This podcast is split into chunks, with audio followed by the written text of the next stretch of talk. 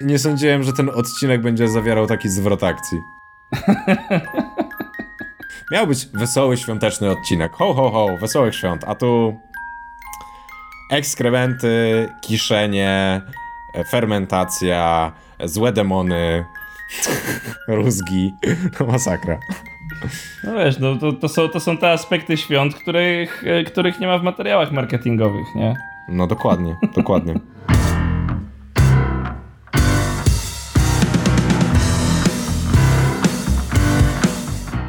Nazywam się Krzysztof Nowak i mam słabość do fermentacji. A ja Michał Kasprzyk i uważam, że rózga jest nieskuteczna. A to jest do początku. Czyli podcast o tym, jak różne rzeczy się zaczęły. A dzisiaj mamy dla Was specjalny odcinek świąteczny Ho, ho, ho. i butelka rumu. To y, dzisiaj taki mamy bardzo specjalny odcinek, można by było powiedzieć, bo trochę wychodzimy z tej formy, którą prezentujemy zazwyczaj. Jak najbardziej, ale myślę, że ten format, którego spróbujemy dzisiaj, może jeszcze kiedyś powtórzymy, jeśli się okaże, że spotka się z ciepłym odbiorem. No tak, bo święta są co roku. Ale wiesz, może zrobimy jeszcze na jakieś inne święta, nie wiem, na Zielone Świątki albo na y, Walentynki. Może na Dzień Niepodległości albo Wielkanoc? Może? A, może. Dzień Nauczyciela. Ramadan? Właściwie to moglibyśmy za każdym razem wykorzystywać ten format, jeżeli on będzie atrakcyjny dla naszych słuchaczy, no to no. Nie, ma, nie ma wtedy problemu. Także dajcie nam znać gdzieś w komentarzach na Facebooku na przykład, albo napiszcie do nas maila, jak wam się taki format bardziej podoba od tego naszego standardowego, no to Dokładnie. Coś możemy z tym zrobić. więcej świąt. No. tak, tak. To będziemy patrzeć, kiedy jakie święta są, żeby odpowiednie odcinki nagrywać. No dokładnie. Jakiś Międzynarodowy Dzień Grzyba czy coś na pewno niesie ze sobą jakąś dobrą historię. No tak, ale właśnie na czym ten format w ogóle będzie polegał? Otóż mamy dla Was przygotowanych kilka krótkich historii, które na zmianę z Chrisem będziemy opowiadać po prostu. Tak, każda z tych historii pochodzi z troszeczkę innego zakątka świata i wiąże się w jakiś tam sposób ze świątecznymi zwyczajami, które w pewien sposób wyewoluowały w danym miejscu, co bardzo często wygląda dość kuriozalnie. No, są niektóre bardzo intrygujące, muszę powiedzieć. No to co, Chris, może co masz dla mnie? Co mam dla ciebie? E, mam dla ciebie dwie historie. Zacznę od jednej, a potem może dam ci głos i potem przejdziemy do znowu do tej drugiej. Tak więc, pierwszy temat, który przygotowałem, e, jest to historia, którą w zasadzie znam w pewnym sensie z autopsji. Mhm. Część naszych słuchaczy wie, że mieszkałem przez chwilę na Islandii ta chwila trwała niemalże rok. E, był to dość długi rok. I mam, mam bardzo mieszane uczucia dotyczące tego kraju, a już zwłaszcza w temacie samych Islandczyków, jak i ich zwyczajów, bo wydaje mi się to miejscami skonfliktowane. Ale najpierw mam pytanie do ciebie. Czy ty słyszałeś w zasadzie o takiej rzeczy jak Haukarl? Haukarl? Tak. Pierwszy słyszę. Okej. Okay. A próbując z innej strony, czy objęło ci się kiedyś o uszy jakiś ranking najgorszych potraw na świecie, w tym te z Islandii? Nie. Myślałem, że najgorszą Dobra. potrawą na świecie jest haggis ze Szkocji. No to powiem ci, że Islandczycy bardzo wysoko plasują się w tym rankingu. Okej. Okay. Hałkar, od którego chcę zacząć, nie jest bezpośrednio związany z, z tą tradycją, aczkolwiek jest jej bardzo, bardzo blisko i ona da nam troszeczkę kontekstu. Mhm. Hałkar znaczy mniej więcej zgniły rekin. Żeby uniknąć wątpliwości, Islandzki jest językiem raczej ubogim w metafory i jeśli coś nazywa się zgniły rekin, to prawdopodobnie tym właśnie jest. rekin polarny, bo o nim tutaj mowa, jest często łowiony na Islandii i podaje się go w dość nietypowy sposób, ponieważ nie może zostać spożyty na świeżo. Mięso rekina jest e, toksyczne dla ludzi i musi zostać odpowiednio sfermentowane, ponieważ zawarta w nim trimetyloamina jest dla nas zabójcza. A teraz zgadnij, jaka może być naturalna metoda fermentacji i przygotowania tego smakołyku? Ojej. może jest zakopywany w ziemi na kilka miesięcy. No proszę, no to nawet, e, to nawet troszeczkę zgadłeś w dość dużej mierze, bo naszemu rekinowi faktycznie najpierw wycinamy tam wszystkie niejadalne części, wnętrzności, odcinamy głowę i tak dalej i samo mięso jest płukane i wrzucane do dziury w piasku lub żwirze i faktycznie mhm. ten dół jest zasypywany kamieniami, żwirem i pozostawiony na okres od 6 do 12 tygodni, w zależności od pory roku. Mhm. I wtedy wszystkie te toksyczne substancje sobie wyciekną i odparują, a nasz rekin szczęśliwie gnije sobie w ziemi, chociaż tak naprawdę fermentuje. Jezu, ja się pytam, kto to wymyślił w ogóle? Jak ludzie doszli do tego, że coś, co jest niejadalne, trzeba to wrzucić do ziemi na kilka tygodni i po tych kilku tygodniach to będzie jadalne. Jak? Też mnie to zastanawia i y, wydaje mi się, że metodą prób i błędów. Niesamowite. Ale nigdy nie wiem, jak do tego dochodzi. Ale co ciekawe, niegdyś przed zakopaniem, e, aby wspomóc proces fermentacji i go odrobinę przyspieszyć, to na naszego rekina również dodatkowo sikano. Co? najwyraźniej, e, najwyraźniej może w jakiś sposób pomagał przy, e, przy tej tradycyjnej fermentacji. Nie wiem, dzisiaj się tego na szczęście nie robi. Pysznie. E, czy to jeszcze nie jest koniec procesu, bo dwa miesiące po wyciągnięciu nasz smakołek wisi sobie jeszcze w szopie i zaczyna cuchnąć amoniakiem tak mocno, że można go poczuć z sąsiedniej wioski. Naprawdę? no, tutaj może trochę hiperbolizuję, bo w przypadku Islandii odległość między wioskami to czasami setki kilometrów, ale, ale cuchnie to niewyobrażalnie. Mhm. Ja testowałem to empirycznie, jak w zasadzie już gotowy produkt smakuje. Okej. Okay. Z całą grupą śmiałków. Ja bardzo chętnie podlinkuję to wideo, bo myślę, że nasi widzowie też się będą. Tfu, Poproszę, nasi no. słuchacze no. też się będą przy tym dobrze bawić. No, jest to dość spore wyzwanie, żeby go zjeść. I właśnie nasz smakołyk, kiedy wyląduje na stole, to sprawia, że sąsiedzi od smrodu zastanawiają się, czy ich pies przypadkiem nie zdął. To jest mniej więcej ten, ten poziom smrodu. I ludzie to jedzą. Tak. I im smakuje. Y, rekomenduje się podawanie ze sznapsem.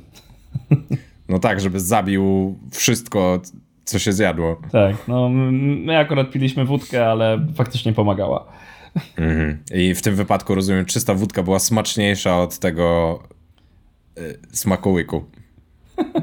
tak, no byli tacy, którzy zjedli więcej, żeby, żeby wypić więcej wódki. Okej.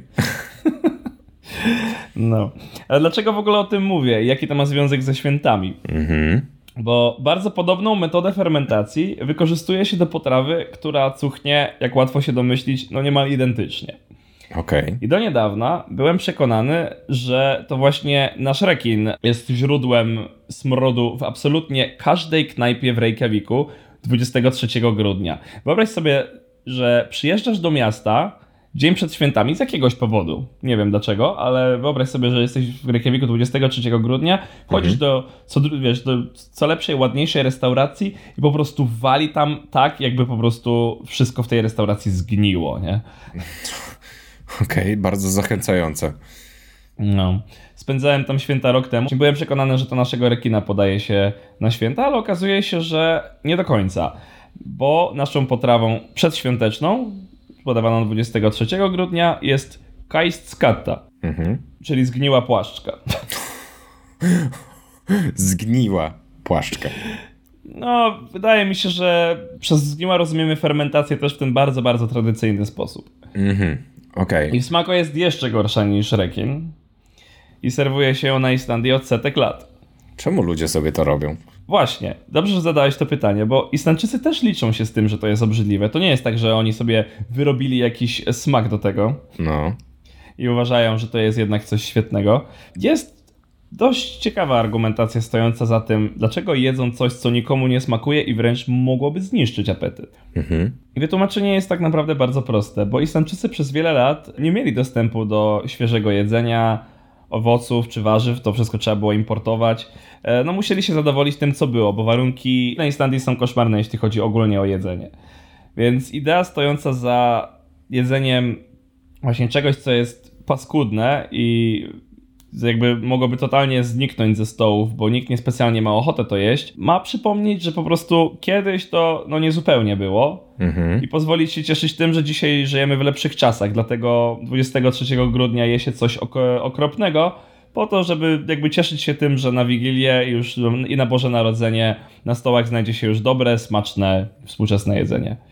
No okej, okay, ma to jakiś sens. No ma to jakiś Chociaż mogę sobie wyobrazić, że nie wszyscy Islandczycy w tym partycypują. W sensie, że e, co po niektórzy twierdzą, że to, to nie jest praktyczne. Po co ja mam to jeść? Pamiętam, że kiedyś było źle.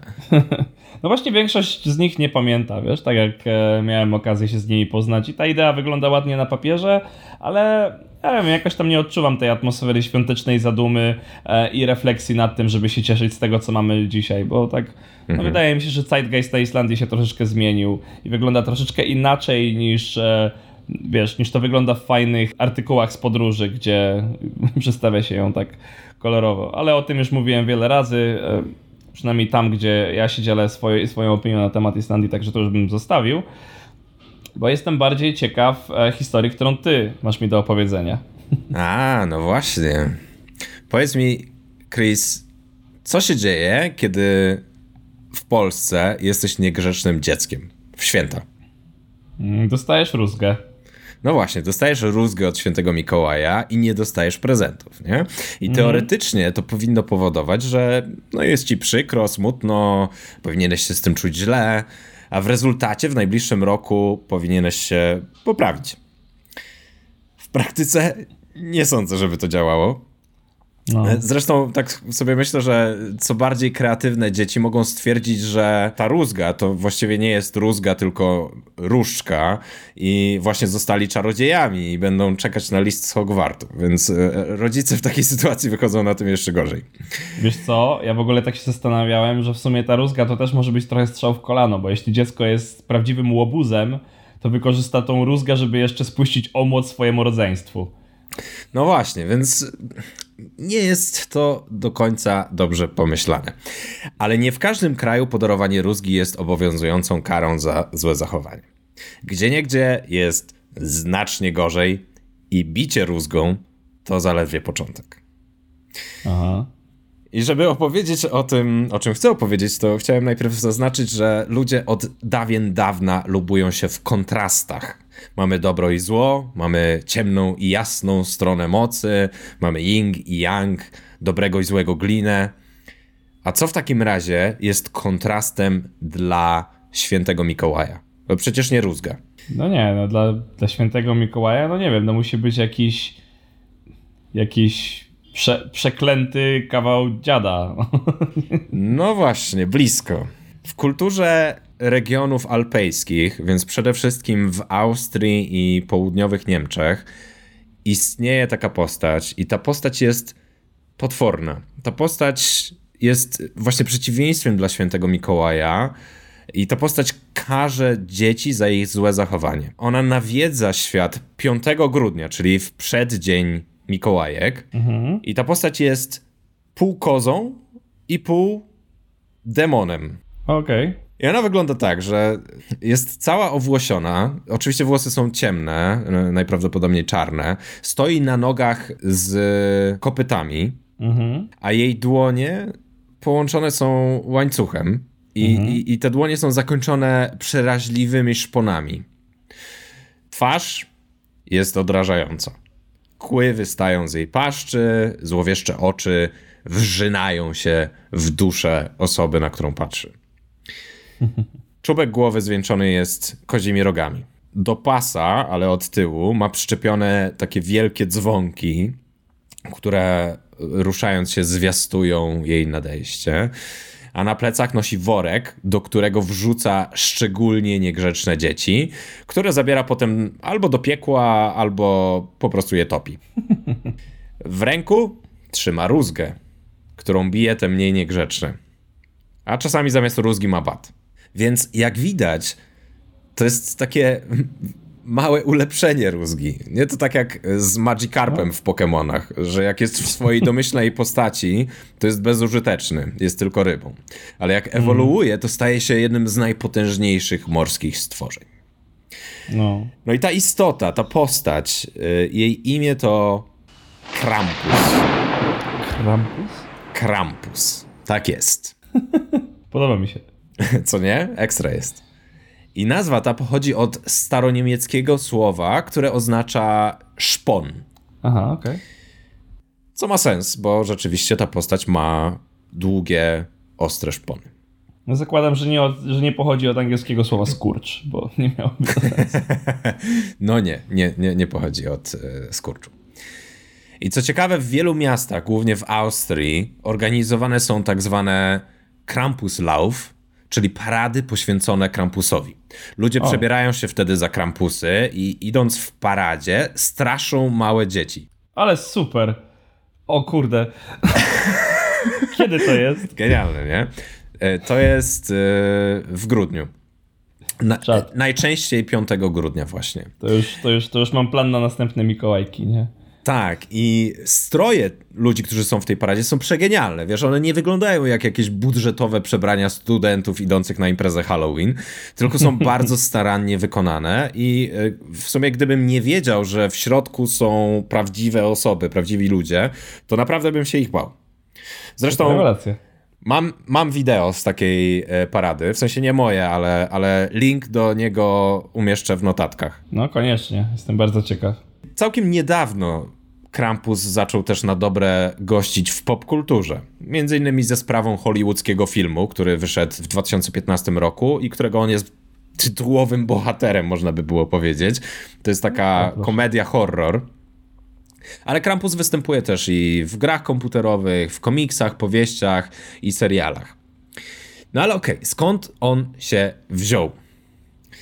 Krampus dopiero od około XVII wieku jest częścią świątecznych tradycji i został do nich wprowadzony jako element przeciwstawny dla świętego Mikołaja.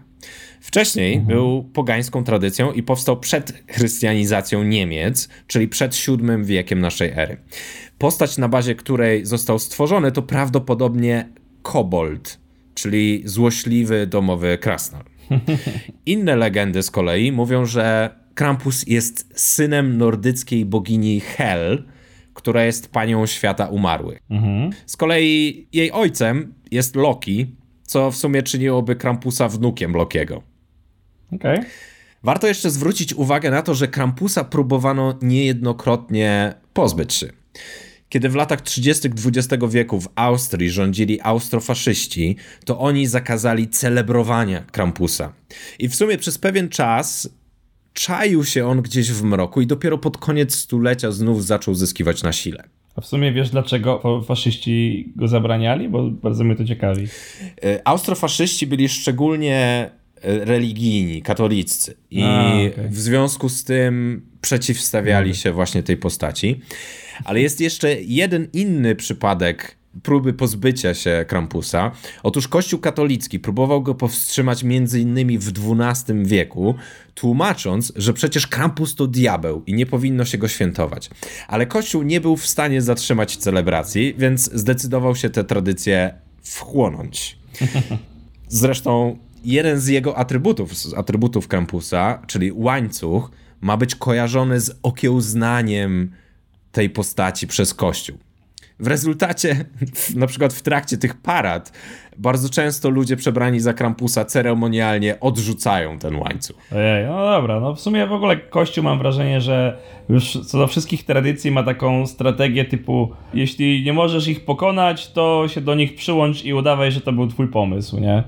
No trochę tak, trochę tak. Bo z choinką przerabiałem to samo, nie? Na początku mhm. Kościół strasznie burzył się, znaczy katolicki, bo w protestanckich domach choinka była jakby okej, okay, ale katolicki kościół strasznie się burzył, że było to takie strasznie pogańskie zwyczaje i jak to tak drzewo do mhm. domu.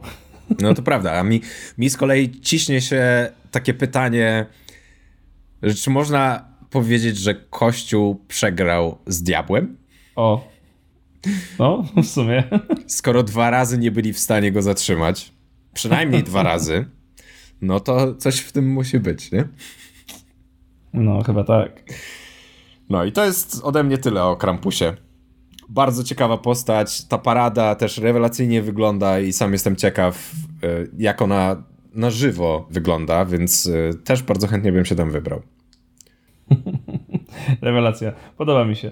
E, no, w ogóle muszę ten, muszę obczaić więcej obecności Krampusa w popkulturze, bo podoba mi się sama idea.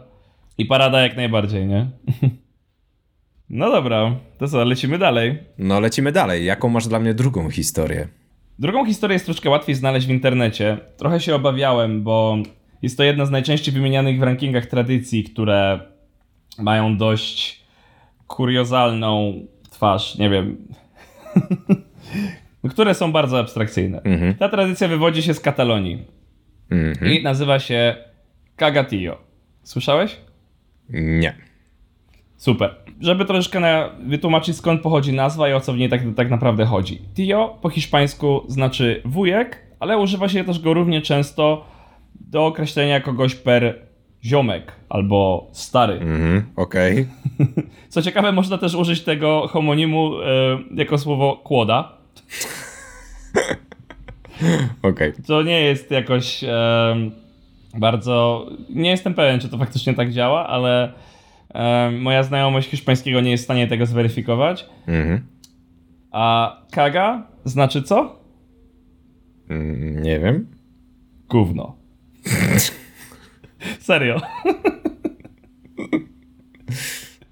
tak, tak, naprawdę.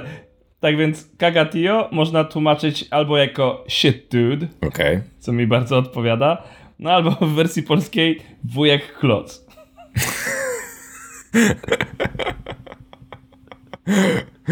Ojej. Jesteś zaintrygowany? Pięknie. Tak, mów. Opowiadaj okay. mi o wujku klocu. E, to teraz tradycja o tym, jak to wygląda, bo w zasadzie całość jest dobrze poryta. Mm -hmm. W wielu katalońskich domach zwyczajem jest, że kilka tygodni przed świętami, właśnie też w okolicy Mikołajek, e, przynosi się do domu przy wydrążoną kłodę. I mm -hmm. rysuje się na niej uśmiechniętą buźkę.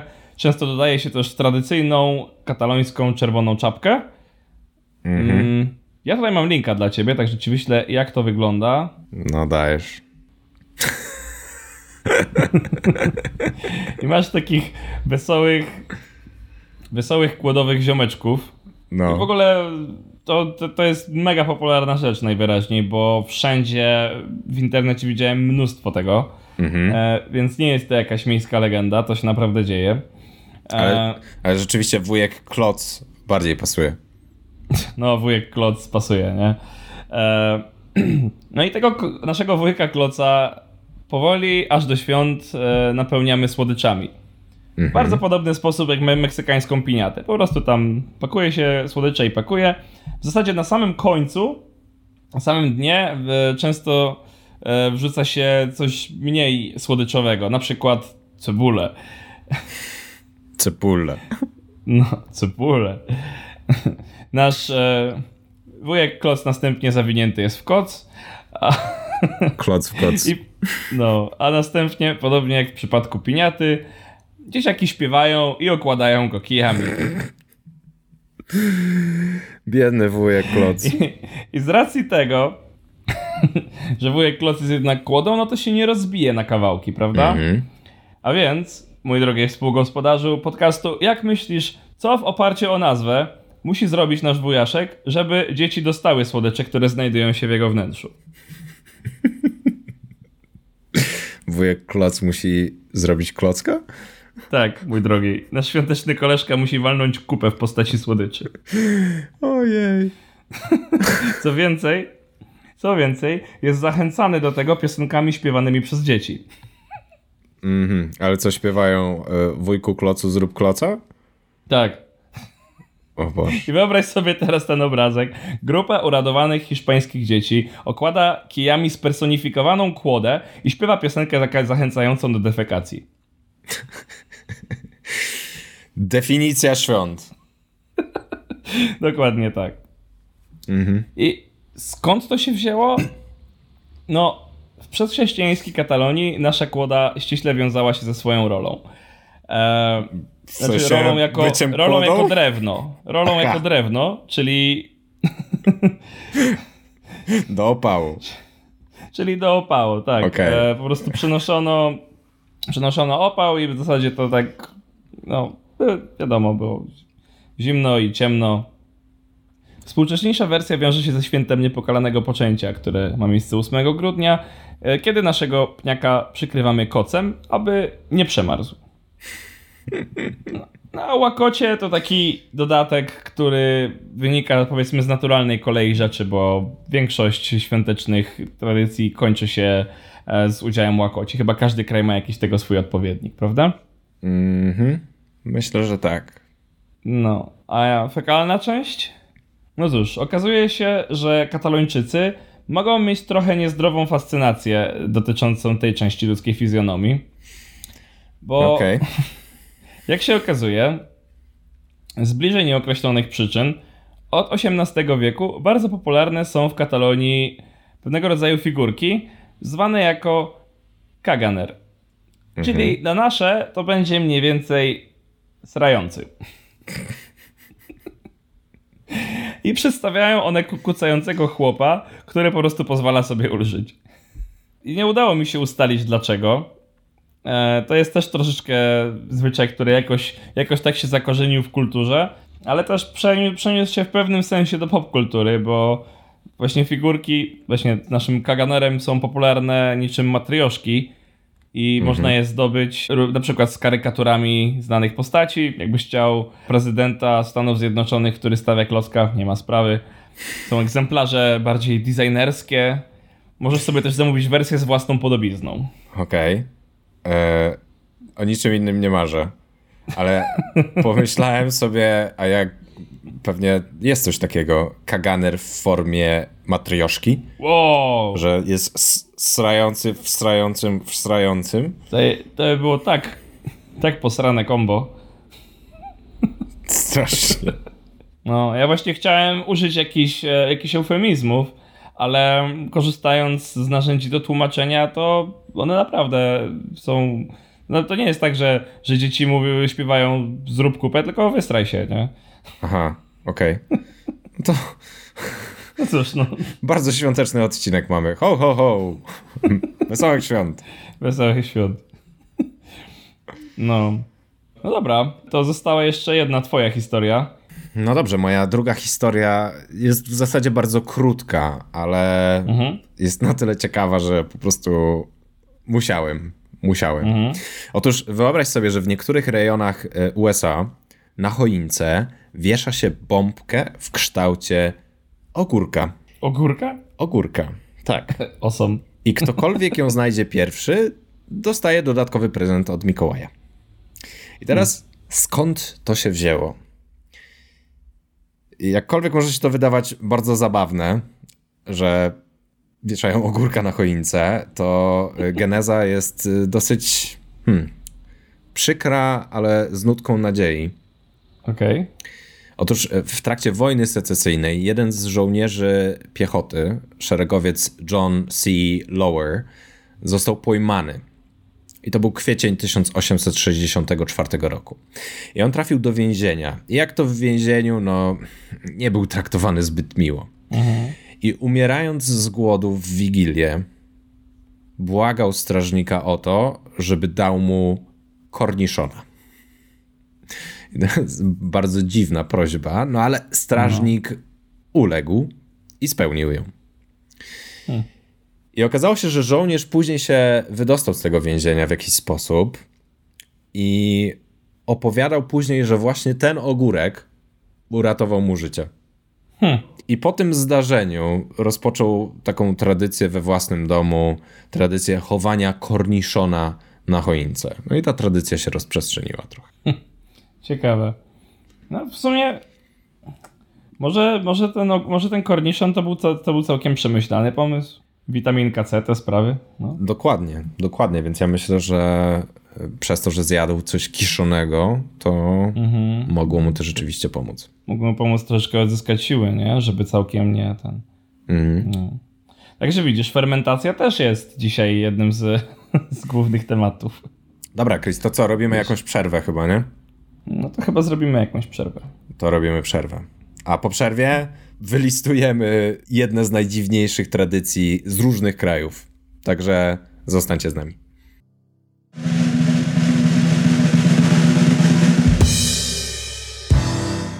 Słuchajcie, dzisiaj reklama będzie trochę inna.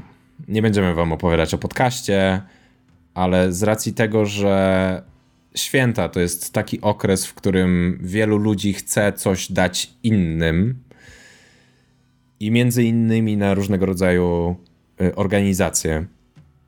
Więc chcieliśmy zwrócić Waszą uwagę na jedną z takich organizacji. Jeżeli jeszcze nie dokonaliście wyboru, zastanawiacie się komu pomóc, to, y, to przychodzimy z pomocą dla Was i wskazujemy. Fajnie jest zrobić coś, coś dobrego dla innych święta, także my też zachęcamy, żebyście zrobili to z nami. My sami będziemy wspierać Wrocławskie Hospicjum dla Dzieci i zachęcamy Was do tego samego.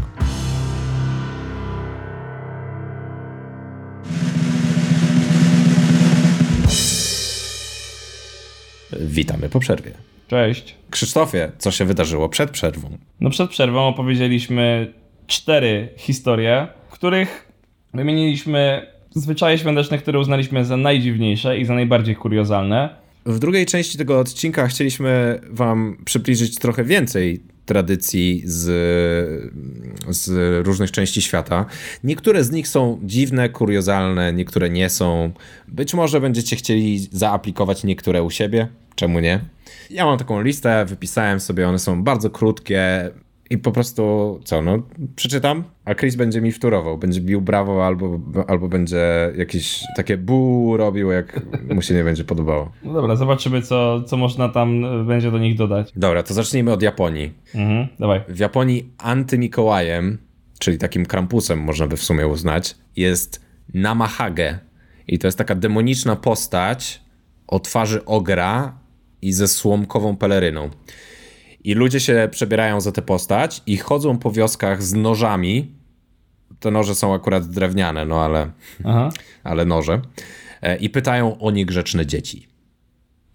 Ma być taki element straszący. Spoko. A te niegrzeczne dzieci rozumiem, że nie dostają KFC na święta. No właśnie chyba nie, bo i to jest e, fajnie, że to e, powiedziałeś, bo rzeczywiście w Japonii tradycją świąteczną jest jedzenie kurczaka z KFC. A jakby, jakbyście się zastanawiali, jak bardzo e, duże korporacje weszły na wasze świąteczne stoły, to wydaje mi się, że, że do Japończyków jeszcze macie sporo do nadrobienia. Chyba tak, chyba tak.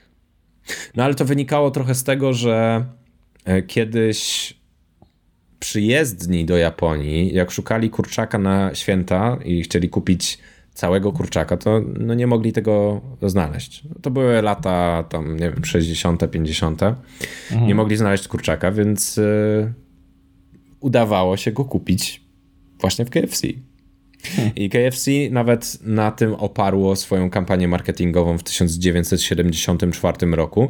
I rezultatem tej kampanii, między innymi, jest to, że kupowanie kurczaka w KFC na święta stało się pewnego rodzaju tradycją w Japonii.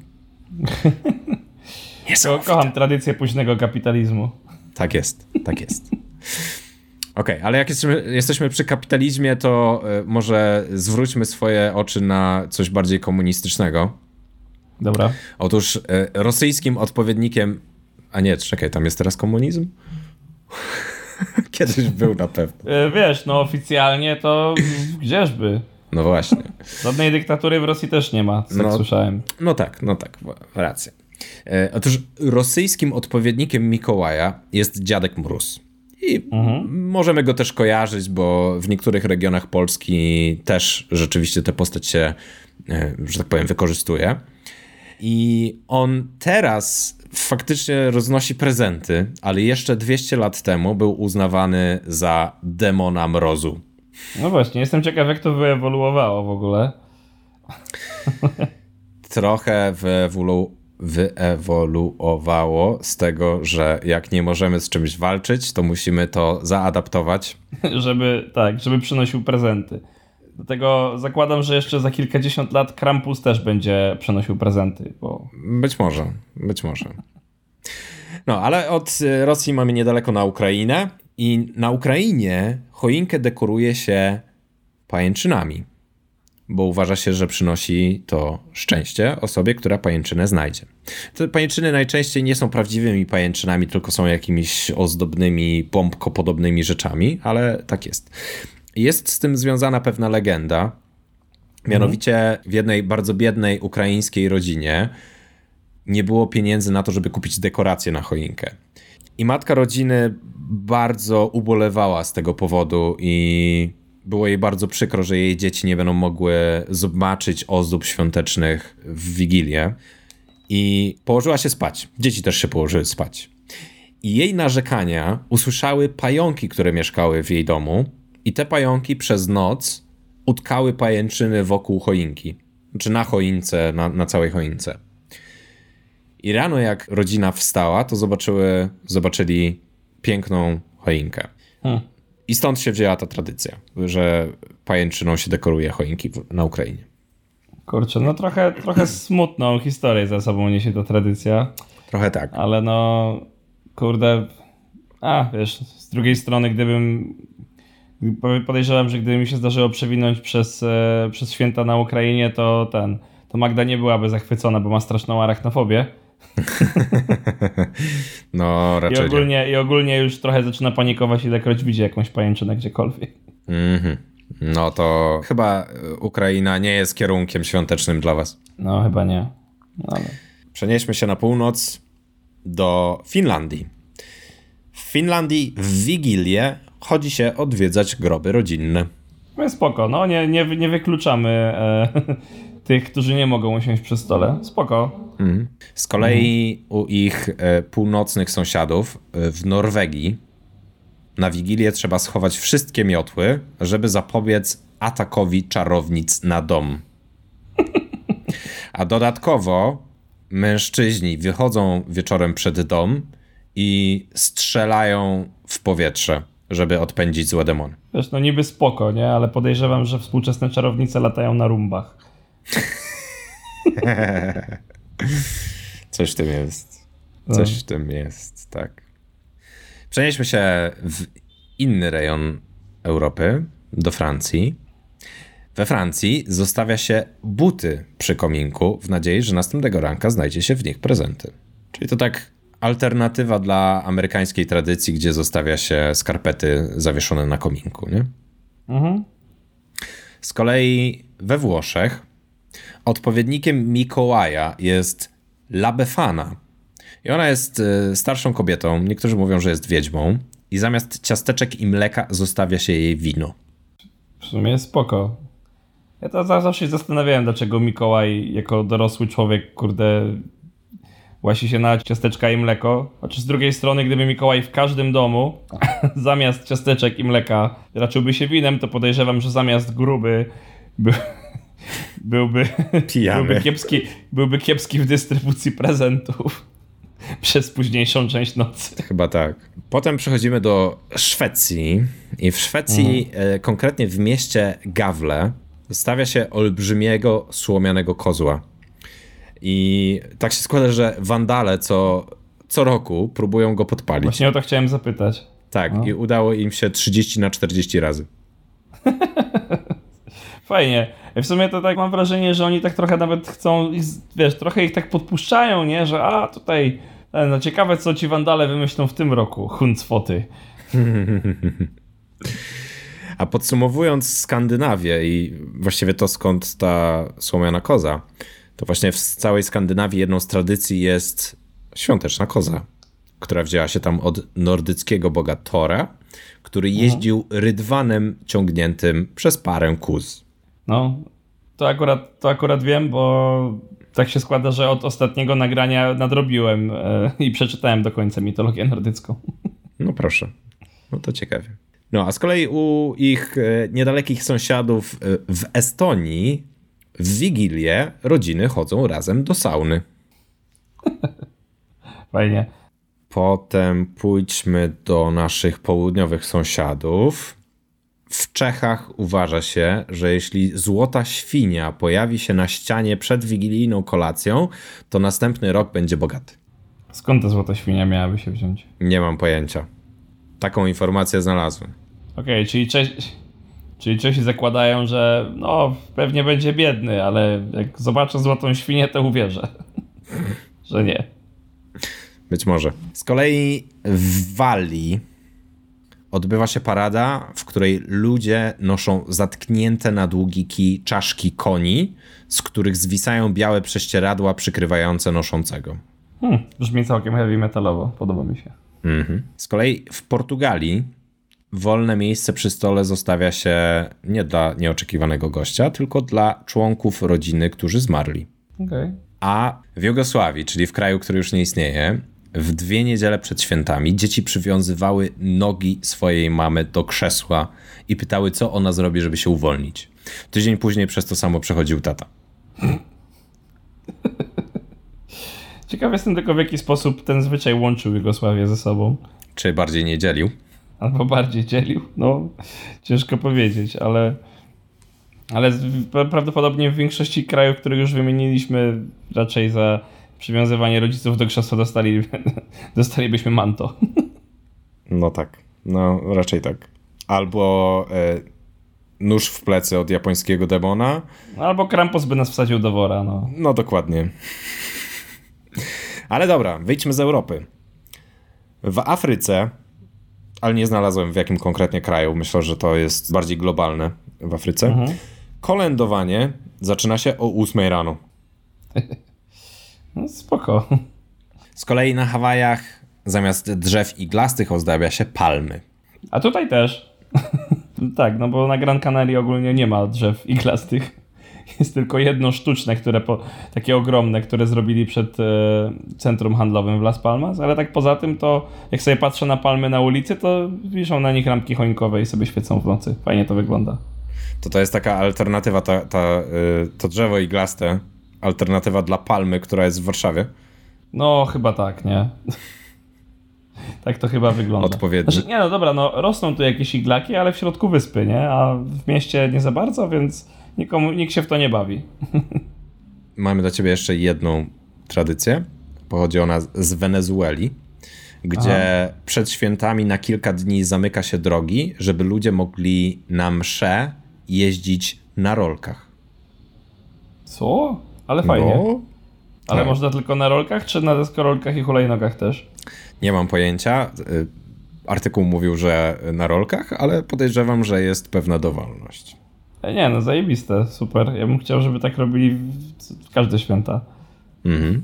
To bym wtedy zaczął chodzić do kościoła, żeby zamiast samochodów na ulicach by można było śmigać na rolkach.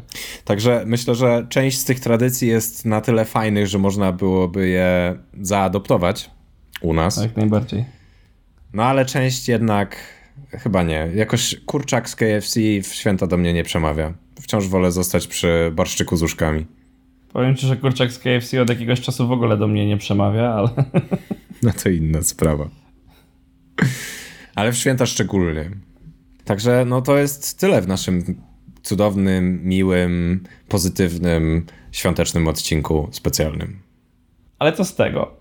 A otóż to, że pomyśleliśmy, że chcieliśmy zaangażować Was w, mały, w małe głosowanko, w którym to Wy ocenicie, kto przygotował grubsze historie. Tak jest. No, możecie do nas pisać maile albo komentować w, na Facebooku, tam gdzie zapostujemy ten odcinek, to tam komentarze wrzucajcie jak najbardziej. Jesteśmy, będziemy wdzięczni za każdy komentarz. Swoją drogą podzielcie się też, jeśli, e, zna, jeśli znacie jakieś tradycje, które dla Was są totalnym absurdem, a nie zostały wymienione w tym odcinku, myślę, że też chętnie poznamy ich więcej, bo my świetnie bawiliśmy się szukając tych materiałów. Mhm, mm dokładnie. I mamy jeszcze taką gorącą prośbę, z racji tego, że ten odcinek jest taki taki dobry, taki pełen ciepła, miłości, e, miłości pełen kloca. pozytywności, dobrych rzeczy, to puśćcie go przy wigilijnym stole. Posłuchajcie razem z rodziną. Ho, ho, ho, ho. Totalnie. To chyba Krampus przeze, przeze mnie przemawiał. No, dziękujemy, że byliście z nami. Chociaż jestem ciekaw tak właściwie, ilu z naszych słuchaczy słucha nas faktycznie w święta. Jeśli słuchacie nas, na, nas w święta, to rozumiem, że wszystkie rodzinne kłótnie i pytania, na które nie macie ochoty odpowiadać, już macie za sobą. Mm, chyba tak. A jeśli nie, e, no cóż, tak czy inaczej dajcie znać, jak bardzo lubicie słuchać podcastów święta i dlaczego wybraliście akurat nas, żeby zaszczycić nas tą przyjemnością. Czy dlatego, że premiera jest w Wigilię? Bo jest w Wigilię, prawda? Nie, dzień przed Wigilią. Dzień przed Wigilią. O, to idealnie. To, to w takim razie do premiery naszego podcastu jeszcze możecie zjeść zgniłą płaczkę. No, także tym, tym sfermentowanym akcentem chciałbym zakończyć dzisiejszy wyjątkowy odcinek świąteczny. Wesołych świąt. Ho, ho, ho. Wesołych świąt i prawdopodobnie słyszymy się jeszcze przed Nowym Rokiem. Do usłyszenia. Pa. Ho, ho, ho, ho, ho. Dziękujemy, że tego specjalnego, świątecznego odcinka podcastu do początku słuchaliście do końca. A w następnym odcinku dowiecie się m.in. co się dzieje, kiedy ktoś popełni morderstwo na innej planecie oraz jak wyglądała jedna z bardziej zagadkowych spraw kryminalnych powojennej Polski. Ten odcinek został zedytowany przeze mnie, Michała Kasprzyka, i wyprodukowany przeze mnie i Krzysztofa Nowaka. Muzyka została stworzona przez projekt Sheila. Możesz zasubskrybować nasz podcast na iTunes, Spotify lub gdziekolwiek słuchasz podcastów. Jeśli podoba Ci się nasz podcast, to daj nam proszę 5 gwiazdek w iTunes. W ten sposób pomożesz nam go wypromować. No i oczywiście, jeżeli będziesz tak miły, miła, żeby zaszerować go gdzieś w social mediach albo powiedzieć o nim swoim znajomym, to będziemy bardzo wdzięczni. Do usłyszenia za tydzień. Do usłyszenia. Wesołych świąt. A w ogóle ciekawostka, bo Google dzisiaj wrzucił reklamę e, z Macaulay Ma, Makalau Kalkinem.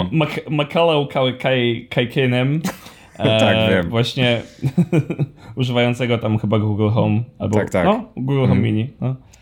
Google Asystenta do tego, żeby e, zrobił wszystko za niego, czyli pozbył się tych włamywaczy i tak dalej. Tak, tak, tak.